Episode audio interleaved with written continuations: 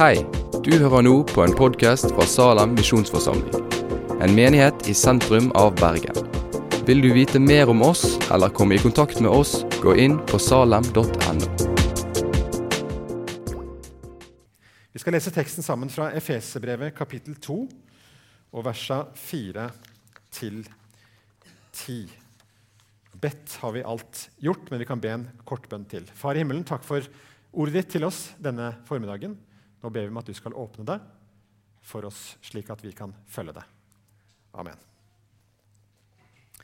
I Efesbrevet 2, 4-10 så står det Men Gud, som er rik på miskunn, har, på grunn av sin store kjærlighet som Han har elsket oss med, gjort oss levende med Kristus, vi som var døde ved våre overtredelser. Av nåde er dere frelst. Han reiste oss opp sammen med ham og satte oss med ham i himmelen i Kristus Jesus. For at han i de kommende tider kunne vise sin nådes overveldende rikdom i godhet mot oss i Kristus Jesus. For av nåde er dere frelst ved tro. Og dette er ikke av dere selv, det er Guds gave. Det er ikke av gjerninger, for at ikke noen skal rose seg. For vi er Hans verk, skapt i Kristus Jesus, til gode gjerninger, som Gud forut har lagt ferdige for at vi skulle vandre i dem. Efeserbrevet er kolossalt innholdsmetta. Paulus, dette er fangenskapsbrevene. Jeg ser for meg at Paulus satt og filte på de der setningene til de virkelig satt. Og Det er nesten så du må, du må ta det i porsjoner. Det er, det er nesten sånn som eh, det føles når det har regna og regna og regna, og vann har fylt alle magasinene, fylt alle jordene, fylt alle kummene. Det begynner å legge seg i eh, veibanen, og det skapes nye elver osv. Når du får en sånn overveldende følelse av vann som kommer ned Ingen gjenkjennelse på det? Nei. Det er sånn med Efeserbrevet. Det kommer mye, og det kommer tett. Men vi skal forsøke å unngå drukning i formiddag, så jeg har eh, tatt ut fire punkter. Og det første punktet mitt er dette. Han har gjort oss levende. Gud har gjort oss levende. I går, eh, går kveld så talte jeg på ungdomsgudstjenesten, og da eh, talte jeg over Johannes 1, 1-18. Og i vers 12 der så står det Men alle dem som tok imot ham, dem gav han rett til å bli Guds barn, de som tror på navnet hans. Fantastisk budskap.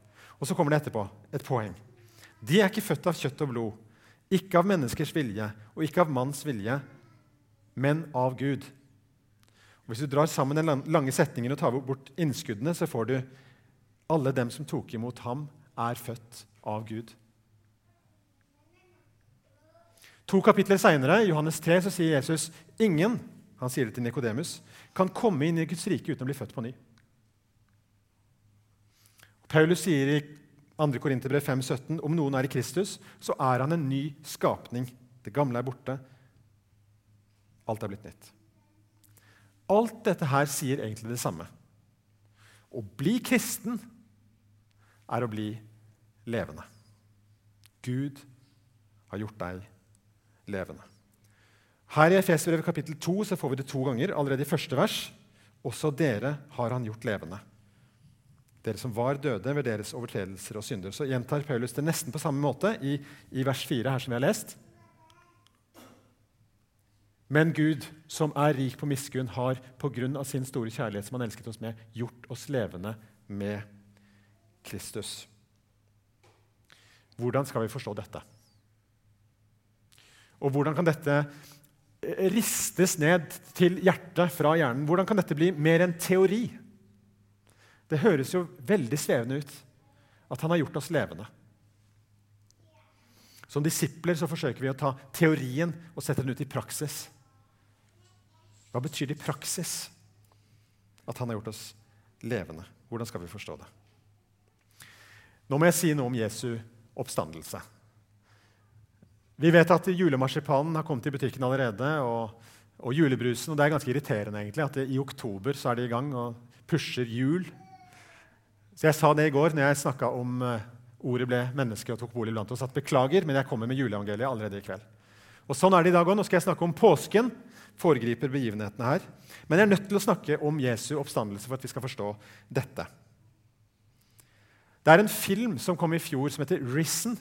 Jeg har veldig lyst til å anbefale den for deg. Sterkt.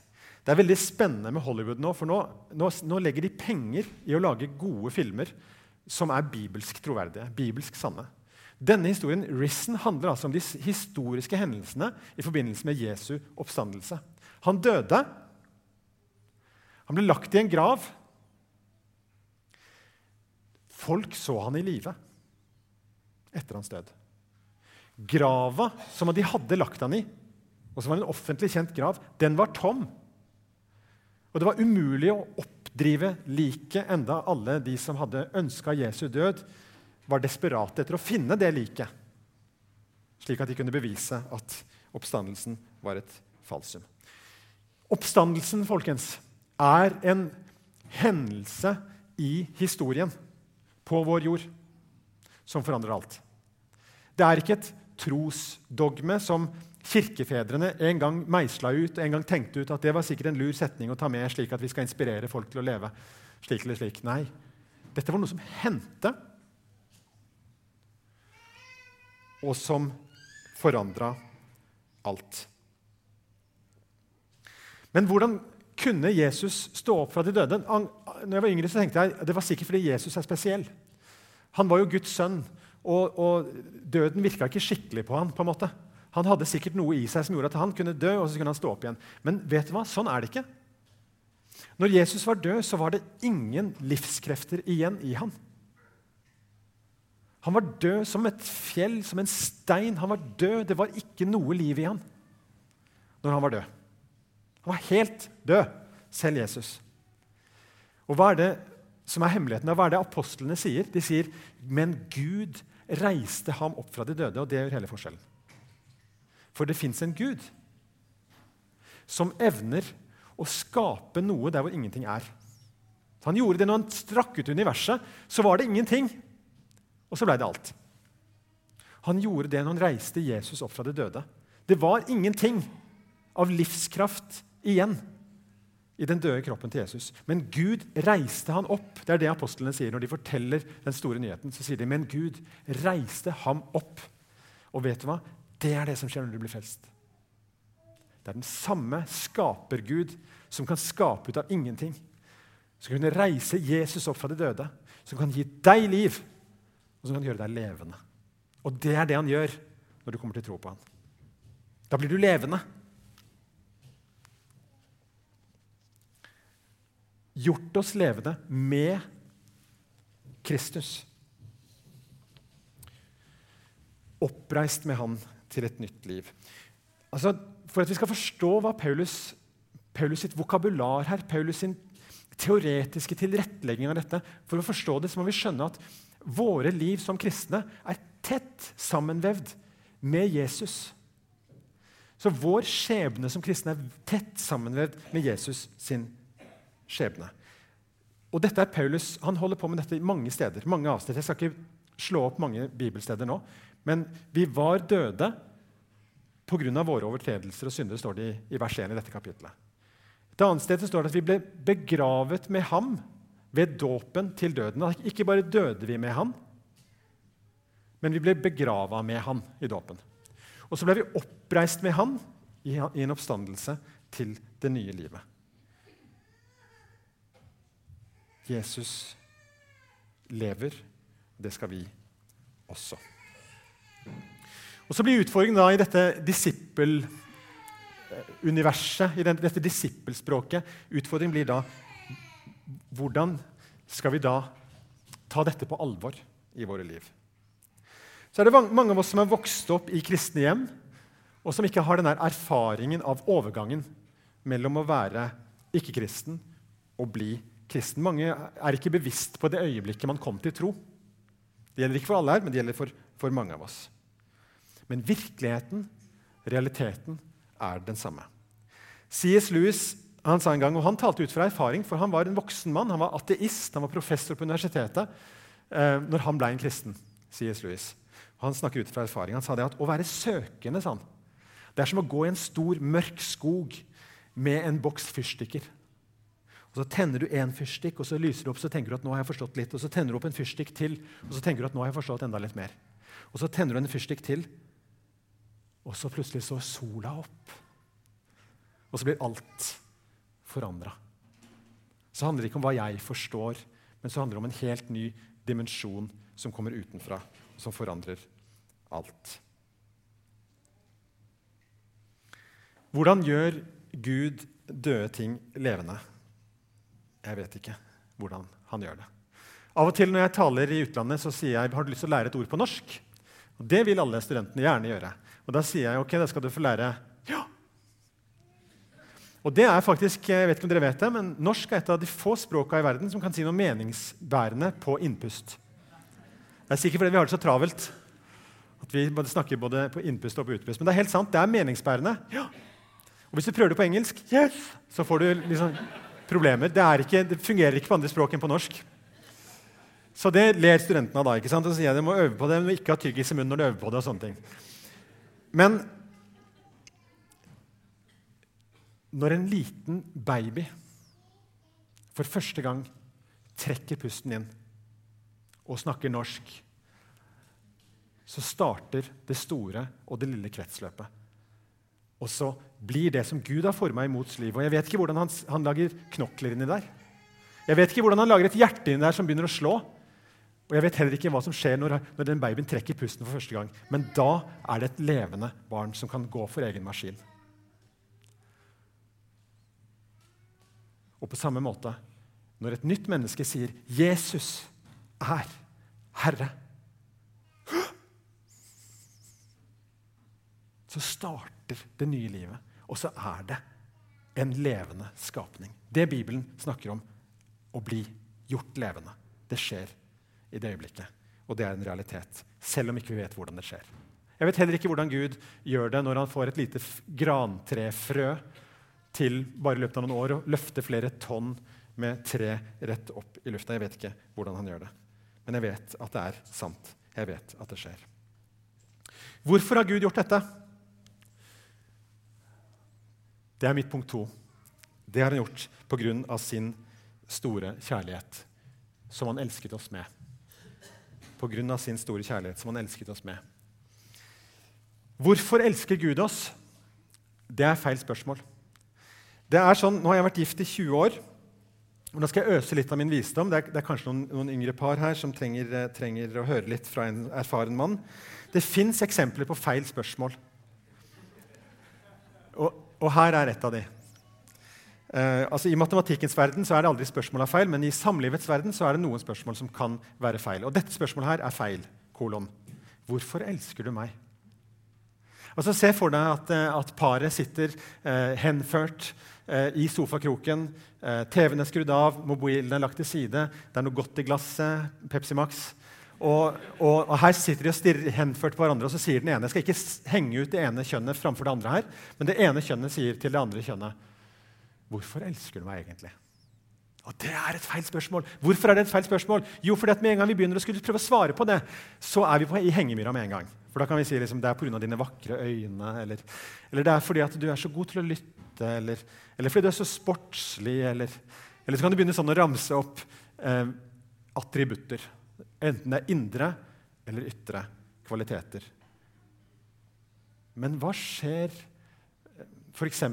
med humoren min? Altså jeg, mine barn sier, sier, at min humor ikke fungerer lenger. Jeg, jeg, er helt sikker på at jeg var morsom da jeg var yngre. Og når jeg tester det ut med mine barn i dag, så sier de 'pappa, glem det'. Jeg, jeg talte på UL i sommer og hadde en sånn åpningsvits som jeg syntes var veldig god. Eh, og barna mine sa 'pappa, bare gå rett på det med Gud'. Altså det, Humoren er ikke som den var. Og til og med skjønnheten min forgår. Kan du tro det? Det er ingenting av de tingene som jeg kan ramse opp som Hva hvis jeg blir lam? Hva hvis ikke jeg kan være sportslig lenger? Hvis det er det som er grunnen til at min elskede elsker meg, så er vi på tynn grunn. Så Derfor er spørsmålet feil. Men et riktig svar på det feile spørsmålet er jeg er glad i deg fordi jeg er glad i deg fordi jeg er glad i deg. I love you because I love you because I love you. Og Det er det eneste vi kan si om kjærlighet. Det var det Gud sa også til, til, uh, gjennom Moses til, Mose, til uh, Israelsfolket i kapittel 5 i, i 5. Mosebok i kapittel 7. Så sier han ikke fordi at det var noe spesielt med dere, Israelsfolket. For dere var et veldig lite folk, og det var ikke noe spesielt attraktivt folk. Ikke fordi det var noe spesielt ved dere, men pga. min store kjærlighet har jeg fridd dere ut. Og sånn er det her òg. På grunn av hans store kjærlighet. Så det var altså ikke noe ved deg eller ved meg som gjorde at han fant på å gjøre meg levende. Men det var av hans store kjærlighet. Mitt tredje punkt er frelst av nåde. Og det er jo en hovedsak i denne teksten. Han har gjort oss levende. Av nåde er dere frelst. Han sier det to ganger. Av nåde er dere frelst. Vers 5. Og han reiste oss opp sammen med ham og satte oss med ham i himmelen i Kristus Jesus, for at dere for at han i de kommende tider kunne vise sin nådes overveldende rikdom i godhet mot oss i Kristus Jesus. For av nåde er dere frelst. Og Her kommer det altså en enda, enda en, eh, et hakk til som skrus til i denne litt kompliserte, sammenvevde situasjonen vi er med Jesus. Vi døde med han. Vi ble begravd med han i dåpen. Vi er oppreist med han til et nytt liv. Og her sier Paulus sannelig meg at dere er også plassert sammen med ham i himmelen. Så ikke bare var vi med i oppstandelsen, vi var også med på himmelfarten. Og våre konsepter og forståelsesramme sprenges. Men Paulus sitt poeng er dette. Det er dette det innebærer å være frelst. At Far i himmelen ser på deg som han ser på Jesus. Nå. Og Jesus er ferdigsont. Han er ferdigsont for deg, og han sitter nå ved Faderens høyre hånd. Og du er der sammen med ham. Gud er utenfor tid og rom. Så for han så er dette mulig. At du allerede er der. Og han ser deg der. Du er plassert med Kristus i himmelen fordi du har fortjent det? Nei. Men fordi han har fortjent det? Ja. Det er det å være frelst. Og Paulus understreker det her på en massiv måte. Av nåde er dere frelst ved tro. Det er ikke av dere selv. Det er Guds gave. Det er ikke av gjerninger. Det er liksom fire måter han sier akkurat det samme på. Det er av nåde. Det er gratis. Det er ikke av dere selv, altså er det ikke av dere selv. Det er en Guds gave, altså er det noe dere får. Jesus sa til kvinnen ved brønnen, 'Kjente du Guds gave?' Da hadde du bedt han, og han hadde øst opp levende vann til deg. 'Gi meg dette vannet', sa hun. Guds gave. Frelsen er Guds gave. Det er ikke noe du kan gjøre et ufrelst menneske kan ikke frelse seg sjøl. Like lite som et dødt menneske kan reise seg sjøl opp fra de døde. Et frelst menneske kan ikke ved sin egen kraft endre sitt liv heller, til det bedre.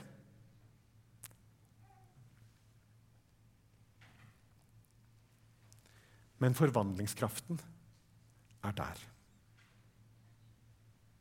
forvandlingskraften, også i vandringen med Jesus, er der.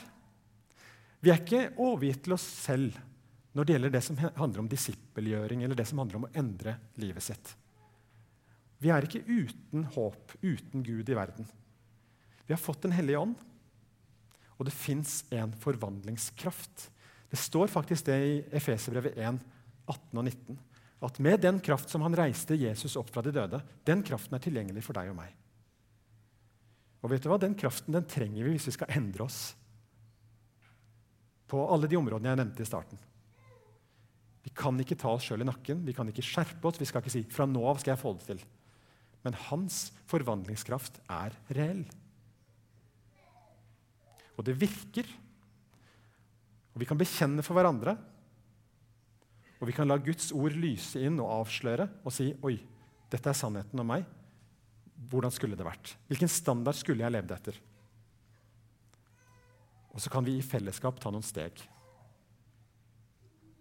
Forvandlingskraften er der. Ikke fordi vi skjerper oss, ikke fordi en predikant snakker hardt, men fordi at du har fått et indre liv. Du er jo levende. Og det er jo Paulus sitt hovedpoeng her. At før var vi døde, og da levde vi sånn og sånn. etter vår tankenes vilje og kjøttets vilje. og vi levde på denne måten. Men nå er dere jo levende. Så vær det du er, sier Paulus. Og bruker også mer plass på det utover i brevet sitt. Jeg skal avslutte med siste punkt, og det skal jeg ikke bruke lang tid på. Men denne nyskapelsen, dette nye som Gud har skapt, det er for en hensikt. Vi er skapt til gode gjerninger. Og Det er jo morsomt nesten at det kommer rett etter at han har sagt vi er ikke frelst av gjerninger. Så vi begynner ikke på det og tenker at dette gjør oss rettferdige for Gud. Men vi er, vi er skapt til gode gjerninger. Det er ikke slik at Gud har, har, frelst oss med tanke på at han skal ta oss herfra og plassere oss i himmelen med en gang. Vi er skapt for å være her, for å vandre i et nytt liv, til glede for vår neste og til glede for oss sjøl. Kampen mot synda er ikke for at vi skal bli bedre i Guds øyne, for vi er allerede plassert i himmelen med Kristus. Men kampen mot synda er fordi at synda ødelegger mitt liv. Synda ødelegger min nestes liv. Derfor vil jeg ta det på alvor med Guds hjelp. Skapt til gode gjerninger. Jeg lar meg inspirere av nobelprisvinner Dennis Mukwege. Han er faktisk en AFS-mann fra Burundi, bor nå i Kongo. Og Han får altså Nobels fredspris fordi han gjør en helt modig og enestående innsats som kirurg blant eh, kvinner som er utsatt for det verste terror du kan tenke deg. Kongo har det vært krig i mange mange år, og 5,3 millioner mennesker er drept. Og de som ikke er drept, er ofte ødelagt. Men Dennis Mukwaba han er kirurg, og han setter sammen igjen det som mennesker har ødelagt. Og han gir kvinner selvrespekten og verdigheten tilbake. Livvakten hans ble drept. I den forbindelse så flykta han til Europa. Men vet du hva? han var ikke lenge i Europa. Han dro tilbake igjen til Kongo og arbeider 18 timer om dagen som kirurg for disse kvinnene. Og for det får han en velfortjent fredspris. Jeg er stolt av at han er en kristen som gjør dette han kunne jo sagt ja, jeg er jo tilgitt, så jeg kan jo like godt flykte til Europa og leve et latmannsliv der. Jeg er jo tilgitt. Så? Hvem hadde han hjulpet da? Istedenfor sa han hvordan kan jeg bruke mitt liv og de egenskapene Gud har gitt meg, til å gjøre en forskjell her i tiden. Gud har skapt deg for en hensikt. Og Jeg vet ikke hva som er din hensikt spesifikt. Men jeg vet at du er kalt til å leve et liv i integritet. Til å være hel ved på din arbeidsplass, på ditt studiested. Han har skapt deg til gode gjerninger. Og Jeg er helt sikker på det at et sånt liv som doktor Dennis, og som du er kalt til å leve, et sånt liv er et attraktivt liv for den som ennå ikke tror. Det er noe attraktivt over et sånt liv. Fordi Jesus er attraktiv. Og det er han vi er kalt til å følge. Amen.